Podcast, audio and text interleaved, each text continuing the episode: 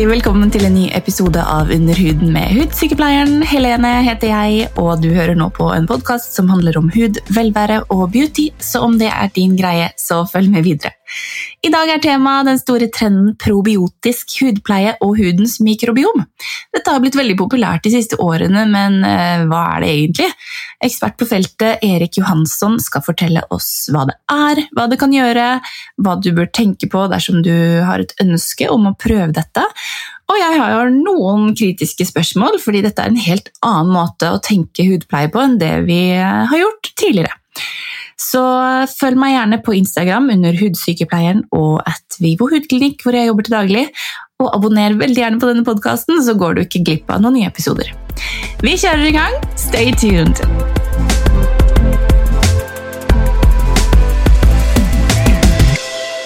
Hjärtligt välkommen till dig, Erik Johansson.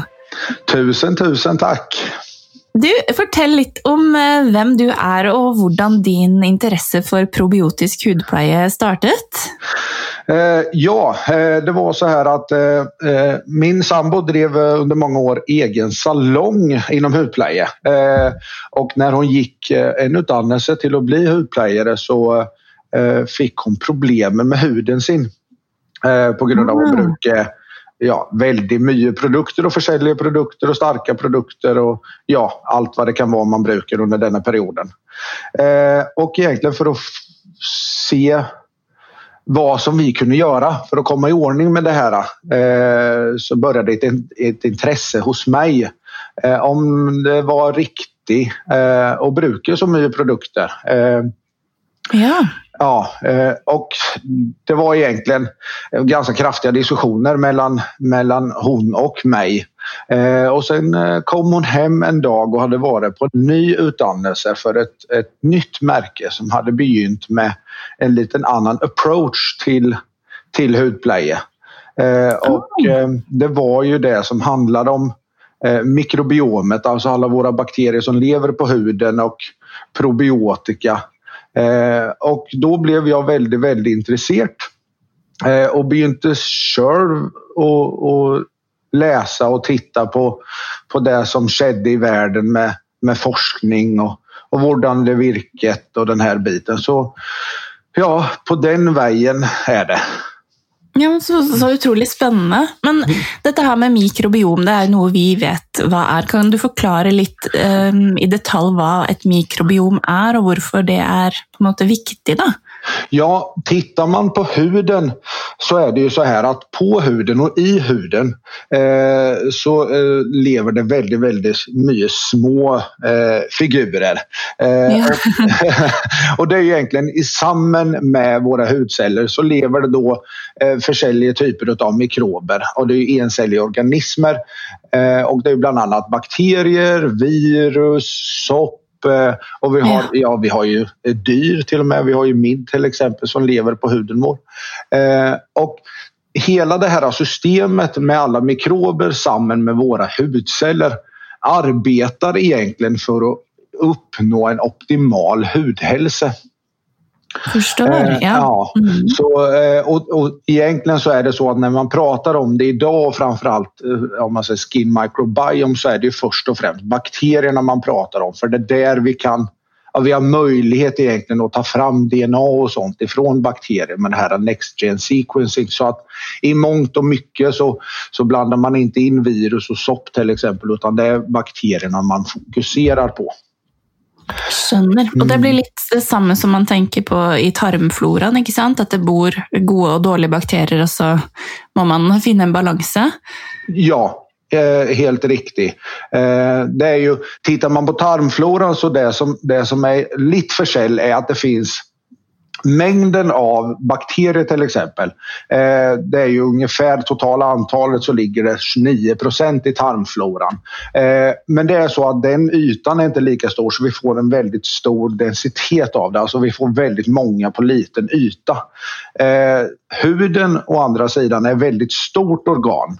Eh, och där har vi 21 procent av den totala mängden. Men det gör ju samtidigt att det är ett stort organ så man får inte samma typ av mängd per per, ja, per volym egentligen. Mm, men, det, men det är fortsatt som man pratar om någonstans en triljon mikrober som lever samman med våra hudceller. Ja.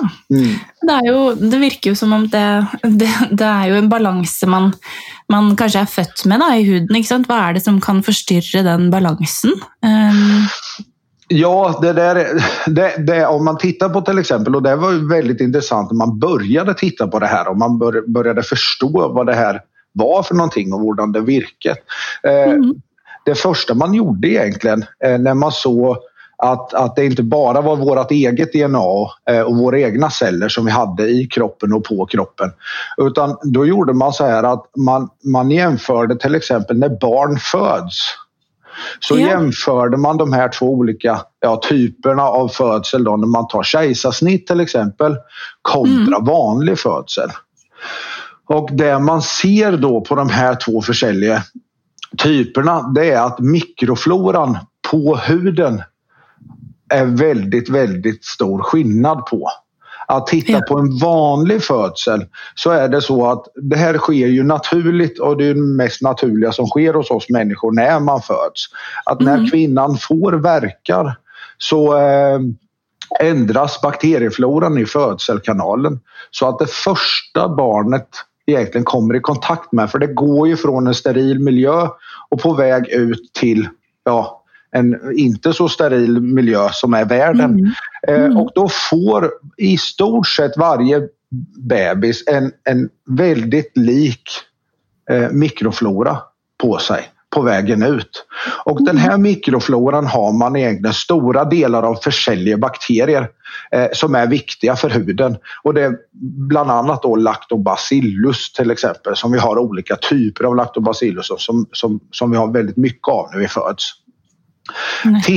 Tittar vi på kejsarsnitt så är det helt annat när det gäller mikrobiomet. Då har vi bara en väldigt, väldigt liten del av till exempel lactobacillus som vi får på huden. Mm. Och det där har man mätt sen eh, när, när då de här till exempel blir äldre. Eh, så då målte man när de var 20 år också. Eh, och det man fick fram då var att den som har fötts genom kejsarsnitt och det är ju så här, kejsarsnitt är ju väldigt viktigt och det är så att ja, man må göra det. Eh, men, ja, men, ja, och men tittar man på 20-åringarna sen då så hade fortsatt den som var född med kejsarsnitt inte tagit igen den här standardmikrofloran som mm. vanlig födsel hade. Och det är egentligen där man arbetar med tänket är ju egentligen att Tittar vi på en vanlig födsel, då får man en optimal mikroflora för huden när vi föds. Precis på samma måte som när vi ammar bebisar till exempel. Eh, mm. Eh, den mjölken där är optimal för bebisar och optimal för våran utveckling. Precis på samma måte så är det då med mikrofloran för huden. Eh, och det är egentligen det man arbetar med för att få till egentligen. Ja. Ikke sant? Og hvis, man, hvis det er en forstyrrelse i, i, hudens mikrobiom, og man ikke har den optimale bakteriefloraen, hvordan vises det på huden, og hva, hvordan vet man at det er det som er problemet? Eh, det är väldigt vanskligt att säga att, att det är just det som är problemet. Eh, det här mm. med balansen och sånt. För att eh, då måste man gå ner i en sån process och väl, verkligen undersöka patienter eh, på en måte som vi inte gör idag. Men, men som det kan visas ungefär när man får en, en obalans i mikrofloran till exempel är ju att vi får, tittar vi på oss här uppe i Norden så är det väldigt vanligt att vi har en sensitiv hud till exempel. Och det är ju mm. så att i grund och botten den sensitiva huden är ju på grund av att vi har underliggande inflammationer som ligger i huden. Ja, det ser jag.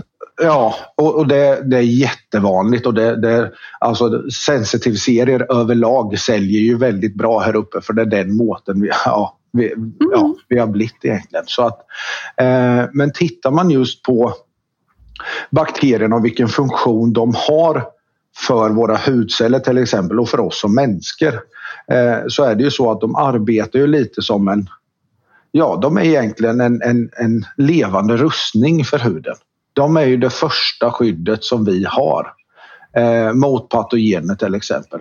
Och tvättar vi oss väldigt ofta med kanske starka eh, produkter. Vi använder oss utav, eh, ja, olika typer av kemiska substanser som inte är naturliga för huden. Eh, antimakrobiella till exempel. Då är det ju så att vi tar bort det här skyddet.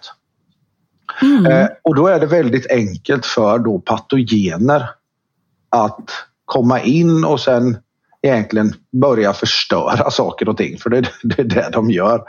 Eh, mm. Och då får vi de här, först och främst så får vi de här subkliniska inflammationerna som vi ser eh, väldigt mycket av. Eh, och det är ju egentligen det här med obalansen i, i vår mikroflora som gör det. Eh, och sen kan det utveckla sig då eh, till andra tillstånd som till exempel eksem. Eh, akne har vi ju väldigt mycket av, den här ja, vuxenakne till exempel. Eh, mm. så, så att det är ju en, en stor process som sker, det är det definitivt. Ikke sant. Og det er jo egentlig ganske Jeg hører du nevner akne, og der er man mm. Konsensusen der er jo på en måte mer det at ikke sant, talget, uh, oljeproduksjonen, er aknefiende nummer én. Og at det, man da må på med type ikke sant, eh, BHA-syrer og alt mulig sånn for å renske opp. Men da tenker du litt annerledes, da? Det... Ja, det, ja där, där är vi lite annorledes. Det, och det är ju så här att vi, vi ser ju väldigt många olika typer av behandlingar också som, mm. som virker i mångt och mycket med. Så det, det är inte det jag säger, men våran måte är lite annorledes. Vi, mm. vi arbetar ju snarare med att, att främja det naturliga. Eh, att, att det här med eh, vårt mikrobior, eh, tittar vi då på talgproduktion till exempel. Mm. Så är det så att vi människor, och nu har man målt på kvinnor, eh, så spenderar överlag kvinnor runt 7 till 8 procent av den totala energin var dag för att producera talg, då, producera sebum. Mm. Eh, och det är ju just för att sebumet i sig innehåller väldigt många bra saker för våra bakterier till exempel. Och, ja, så det här, är, det här är lite speciellt för att vi människor har ju utvecklats under snart två miljoner år. Eh, mm. evolutionen har gjort oss till det vi är idag. Eh, och att då kroppen själv spenderar ja, 6, 7, 8 procent av den totala energin som, som vi använder oss utav för att producera sebum till exempel. Mm. Borde innebära att det är ganska viktigt för vår hudhälsa. Ja. Eh, så, så, det, ja, eh, så ser vi på det i alla fall. Ja. ja. Jeg hørte en lege si en gang at, ehm, at evolusjonen har gått litt for fort eh, fra vi mennesker hadde kroppsbehåring over hele kroppen til i dag, og at kroppen ikke helt klarer å henge med. At det er derfor vi har så mye oljeproduksjon, fordi altså er, kroppen er liksom vant til å skulle smøre hårsekkene, sånn at det ikke ble inngrodde hår og sånt, men at det liksom henger igjen fra det. Men det er kanskje Ja, det er mange, mange myter og mye Ja, ja, ja herregud. Og det, det her er jo liksom Det, och det, det, är, så det är våran måte att se på det och det är mm. helt, helt rätt att är, vi vet inte slutresultatet och vi vet exakt inte eh, eh, alltså rätt, rätt väg ända, det gör, det gör vi inte. Eh, men tittar man på tittar vi på till exempel våra förfäder som, som har levt långt tillbaka i tiden. Vi har fortfarande ett antal sådana stammar runt om i världen. Eh, mm. Till exempel i Afrika. Eh, I och med att vi arbetar mycket i med, ja, eh, med ingredienser och den biten från vissa områden i Afrika. Så har man vissa stammar där nere eh, som Tittar man på just akne till exempel och eksem mm. så har inte de något ord för det. Nej. Nej. Mm. Eh, och eh, ja, det är ganska intressant. Nej, ja, ja det är det. Sen, sen är det ju väldigt mycket på grund alltså det är försäljning väder och, och allting sånt och näringsintag och den här biten, självföljlig. Så, så, men just mänsken som, som, som ja, eh, en art. Eh, vi har vans, väldigt vanskligt att tro då att till exempel eh, pratar vi om akne och våran tonårsakne som, som mm. ja, väldigt många människor eh, har och lider av. Eh, mm. Det vore väldigt rart om evolutionen har gjort oss eh, på den måten att när vi då ska finna en partner för att det är då vi blir ja, könsmogna och allt mm. det här. Eh, att, att vi då ska få akneutbrudd i mm. den delen på kroppen som vi då ska kanske använda för att ja, imponera våra, våra, ja. våran partner med. Så att, så att det där är ju Tittar man på det så så är det, så är det väldigt intressant och sen är det så att vi säger ju inte att något är fel och något är rätt och ni är riktigt utan eh, vi använder oss av eh, ja, ja, ja, utvecklingen och, och tittar på att vad är, vad, är, vad är vi och hur är vi försäljare mot andra arter på jorden och, och vad är det som gör att det blir så här. Alltså det, mm, det är väldigt, väldigt intressant. Spännande. Og jeg vet jo at uh, vi har snakket litt før også, og at det pågår litt studier eh, rundt dette, ikke bare litt. Kan du fortelle litt om hvilke studier som, som finns och vad som pågår? Ja, det, det, det, kan man göra och det som, det som egentligen vi har tittat väldigt mycket på det är ju vilken typ av funktion vi har av olika typer av bakterier. Eh, mm. eh, nu eh, Eh, tittar vi på till exempel på olika typer av lactobacillus då, för lactobacillusen är ju det är totalt 270 olika stammar. Vissa är mm. väldigt bra för olika typer. Så att, så att, men, men tittar vi på de, de som vi har använt oss utav eh, så är det ju funktionen man får utav dem. Eh, ja. Det är ju Först och främst så är det ju det här som jag pratar om, att det, blir, det fungerar som en rustning. Lactobacillusen är väldigt duktig på att hålla ordning på alla andra bakterier. För att det blir ett, som ett ekosystem på huden. Och ett mm. ekosystem ska ju vara, eh, ha mycket mångfald, precis som till exempel en skog. Eh, och där är lactobacillusen väldigt, väldigt flink på att hålla ordning på det här ekosystemet så det blir som ett skydd så inte patogenerna kan ta sig in.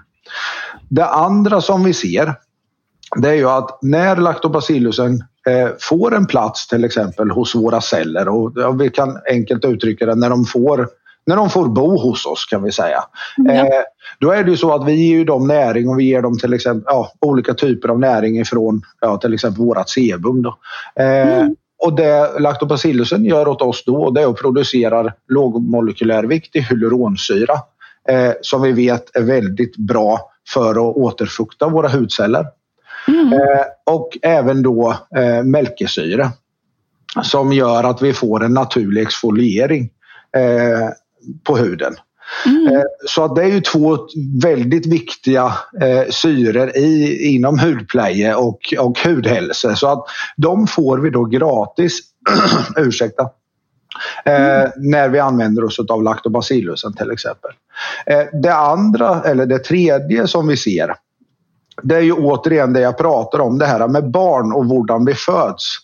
Mm. Det är lite enkelt förklart så är det så att vi har ju ett immunförsvar med våra vita blodceller som soldater. Men sen är det även så att man kan uttrycka det som att vi har ett adaptivt immunförsvar. Alltså ett immunförsvar som hela tiden utvecklas från det att vi föds, när vi får våra första bakterier på oss, tills egentligen den dagen vi stämplar ut. Mm. Så kommer det här adaptiva immunförsvaret att utvecklas. Det lär sig hela tiden vilka bakterier är bra, vilka bakterier är dåliga. Tittar vi på till exempel virus så är det ju så att med corona akkurat nu så är det ju så mm. att vi har aldrig mött corona innan så vi vet inte riktigt vad det är för någonting. Eh, därför blir vi väldigt sjuka första gången. Nästa gång så kommer vi att känna igen det och då kommer vi ha en bättre möjlighet att, faktiskt ja, försvara oss på, ja, på lite raskare måte. Mm. Eh, och precis samma sak gäller med bakterier. Eh, och det gör att när vi får en, en bra täckning av goda bakterier så kommer de här bakterierna att prata egentligen eh, på ett enkelt sätt med, med våra celler så att vi får en ökad produktion av Eh, det adaptiva immunförsvarets eh, vita blodceller som heter AMP, Antimicrobial Peptides heter det. Och det gör att de här Antimicrobial Peptides de angriper egentligen bara de dåliga, alltså patogener. Vilket innebär att vi får ett ytterligare skydd då, mot de här subkliniska inflammationer och den biten. Men Hvor lang tid må man liksom påberegne? Og hvis man skulle startet da på et probiotisk hudpleieprogram, hvor lang tid må man beregne før man har um, fått god effekt, eller, eller, fått den balansen igjen? Det er kanskje veldig individuelt, men Ja, det är väldigt individuellt. Tittar vi, tittar vi på de testerna som, som vi har gjort egentligen bara med, med ren anti-age och till exempel med spänst och fasthet i huden. Så mm. då har vi målt det på 28 dagar. Har vi gjort. Ja. Och då, då ser vi en, en ja, eh, så, så de, den biten går ganska raskt. Men då mm. pratar vi bara anti-age. Eh, tittar vi på kanske lite mer problemat, problematiska hudtillstånder eh, eksem, eh, akne, psoriasis. Eh, då är det, det är väldigt personligt eh, hvordan det är vi kan göra. Och det är ju som sagt, det vet ju du också, att, att, att det är så mycket som hänger ihop med de här tillstånden. Vi kan, ja. göra ett, vi, vi, kan göra en bra måte för att försöka balansera upp huden atopiskt sett. Men sen självföljligt så innebär det också att vad är det vi spiser? Hur lever vi? Stressar vi? Eh, mm. det, det, är väldigt mycket som hör ihop eh, med ja, till exempel hudtillstånd. Då. Ehm, men, men, men, spiser man bra och eh, inte stressar, eh, lever gott eh, och brukar bra produkter så är det självföljligt att, att vi, vi ser ju eh, allt från en månad, eh, eller två veckor egentligen, eh, kan man väl prata om till 12 veckor. Beroende ja. på hvordan vi, hvordan, ja, hvordan, ja, vilken typ egentligen av problem det är vi har. Så att, så att eh, eh, mm. Och det, det, är som jag säger, det, det, det, går att få bra resultat men, men samtidigt så är det så här, det, är så mycket som hänger samman med det här. Eh, så det är egentligen inte bara att, att förtälla någon att bruk de här produkterna så blir allt bra. Och det, vet ju du också att det, det, ja. Ja, eh, det är så väldigt mycket med livs, ja, livskvalitet eller hur man ska uttrycka det. Eh. Det är, mm. det är hela pakka, hela kontexten som du säger och allt med mat och stress och sömn och vila och träning. Alltså. Men man måste i vart fall pleier å si til pasientene mine at gi ting tre måneder før mm. du tar en vurdering på, på det egentlig, fordi hudsyklusen tar jo tid. Selvfølgelig. Selvfølgelig. Det tar liksom 28 dagene, det. Hvis man har uh, ung hud, så man ja, må noen sykluser uh, för att se. Ja, exakt, exakt. Och det är ju eh, det som man kan göra ganska raskt då, det är ju att få en förändring i mikrofloran. Eh, men, men sen är det så att vi må ju få alltså tillstånden till att förbli bra. Mm. Eh, och det är det som tar tid. Är det. Ja. Eh. Är det så att eh, alltså, kan man gå på för hårt? Kan det bli för mycket? Eller borde, alltså, borde man moderera detta här? Jag tänker som om bakterierna tar en plats på huden. Um, ja, om de tar för mycket plats, om du känner? ja, jag känner.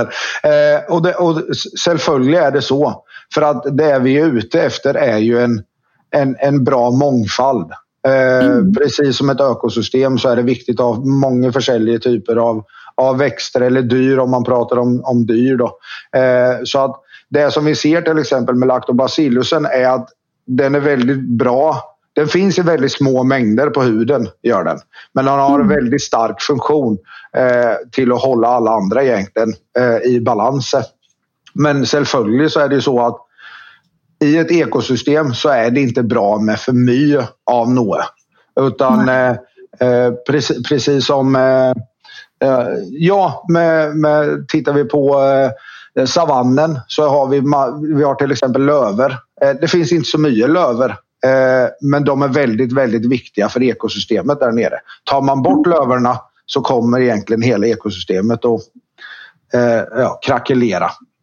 Eh, så på, på, ungefär samma måte gäller det med lactobacillusen. Att eh, eh, man brukar den för att få balanser men sen är ju måt, alltså tanken är ju att man ska kunna kliva ifrån och tillföra goda bakterier.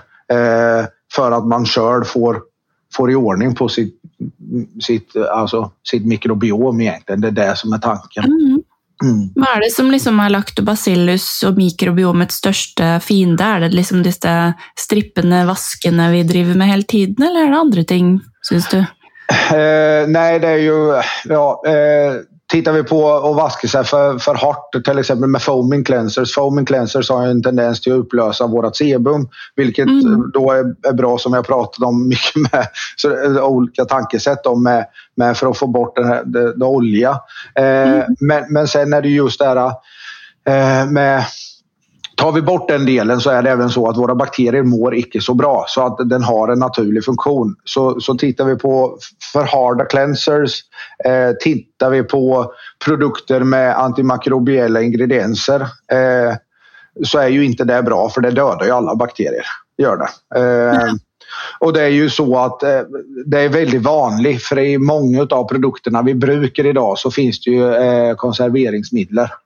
Eh, och konserveringsmedel har ju en funktion egentligen och det är att dräpa bakterier.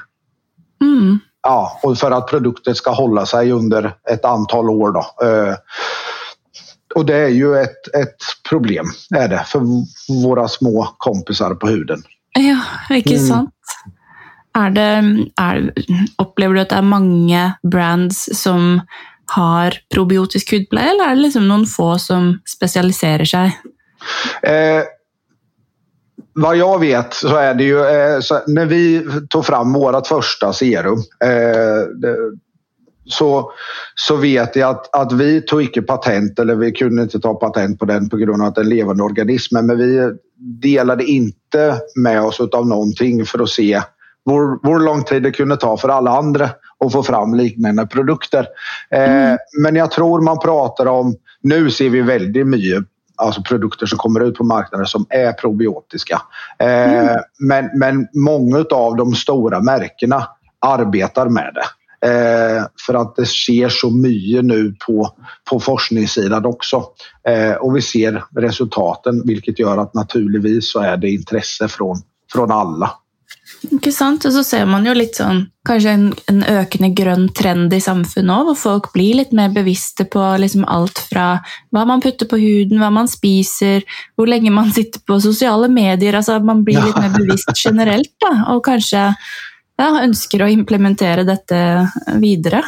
Det er jo fint, det. Ja, det, det, vi har ju fått Eh, just en förändring i samhället, vilket jag syns är väldigt, väldigt bra på grund av allting det som sker med våran planet. Eh, mm. och, och just att man går tillbaka mer till till vår, vårat ursprung, oss människor egentligen. Att vi spend, försöker att spendera mer tid i naturen. Vi, vi försöker att spisa bättre. Eh, mm. Och, och självföljd så är ju det som man pratar om en trend, men jag tror inte det är en trend på den måten utan jag tror faktiskt det är någonting som vi må göra det och det är bara bra för oss att göra det. Så att, så att eh, eh, nej, det syns jag är väldigt, väldigt viktigt. Inte sant. Ja, men eh, ja, det är absolut eh, ett skifte. Eh, man ser ju det. Men som, på tampen, har du liksom något tips du vill ge till någon som tänker att detta var spännande, var ska jag starta? Eh, vad kan jag se efter i ett produkt? Eller ja, har du något tips? Ja, lite, lite tips egentligen är ju att, att eh, Ja, för, för att uh, behandla sitt mikrobiom egentligen och se till så att mikrobiomet håller sig intakt och håller sig väldigt bra så är det ju så att man ska försöka att använda så mycket uh, ekologiska ingredienser, alltså naturliga ingredienser i sina produkter som det går. Uh, och sen är det ju så det här ur, urvalet egentligen av hur, hur mycket produkter ska vi använda oss utav. Mm. Bruk hellre ja, vad ska man säga, less is more är väl ett fantastiskt uttryck. Eh, ja. Men de produkterna som man brukar, att de verkligen gör försäljning. Ja. Eh, och sen det här med konserveringsmedel. Det är, är det starka konserveringsmedel så är det inte bra för huden utan då eh, man, man lär huden att anpassa sig efter de produkterna man brukar och då är det så att eh, då får vi en försäljlig funktion i huden än vad vad som är tänkt egentligen. Ehm, mm. Så, och sen, sen, är det ju probiotika. Är ju, eh, vill man pröva probiotika så är det så är det lite intresse att läsa på innehållsdeklarationen för att det finns i hudplejer så är det olika steg av probiotika. Inte som i mat där probiotika är levande organismer utan i, i probiotika så finns det fyra olika steg.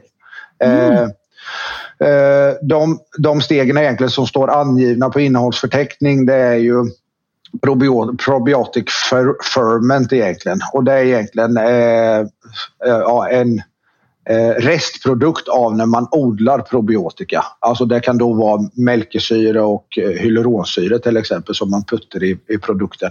Det är ju väldigt mm. bra för det är väldigt bra syror.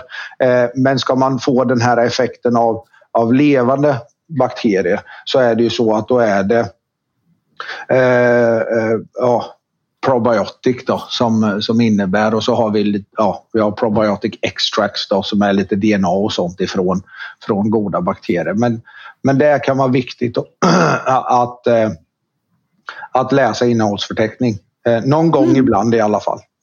Mm. Ja. Och se etter liksom levende eh, organismer, alltså levande bakterier i produkten, tänker du? Ja, det, det är ju lite vanskligt idag för det, jag tror det mm. bara är tre märken i världen som har det. Okay, så att, yeah. så att, så att eh, eh det, ja, det är vanskligt med alla andra märken för då är det vanligtvis så att det är probiotic ferment eller probiotic extract som finns i produkten.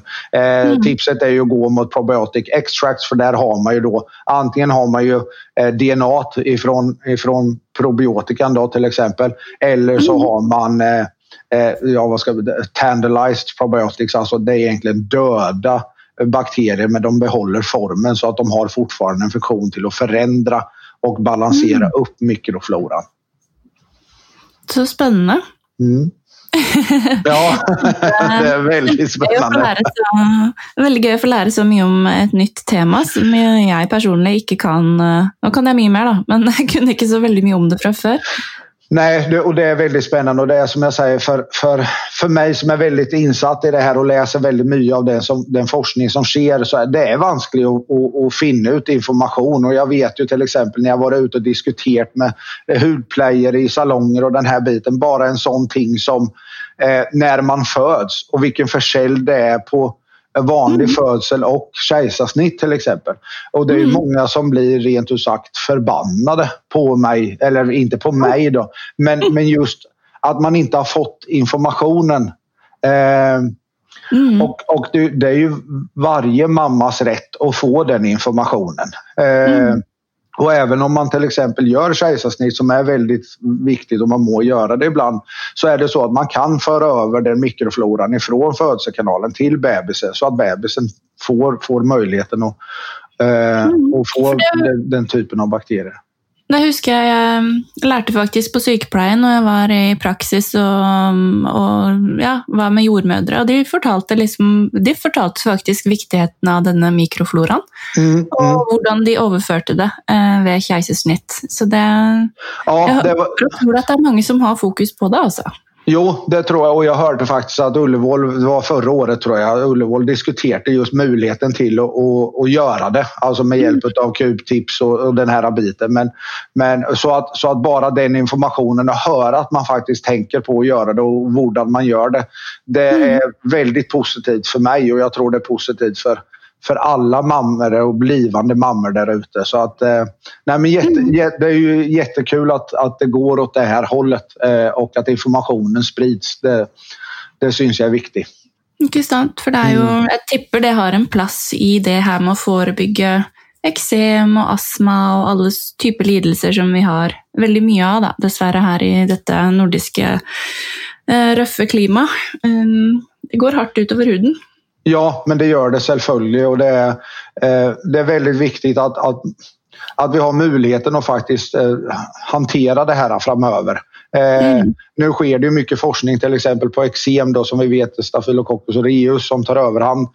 Då har man ju hittat till exempel Staphylococcus epidermidis som, som egentligen har, ja de dräper aureus då. Så att, så att där har man ju en möjlighet eh, framöver. Mm. Vi ser då till exempel på psoriasis, viss forskning som sker gällande olika typer av lactobacillus som jag har pratat om, som man ser ett väldigt bra resultat. Eh, Så att selvfølgelig är vi på rätt väg. Eh, ja.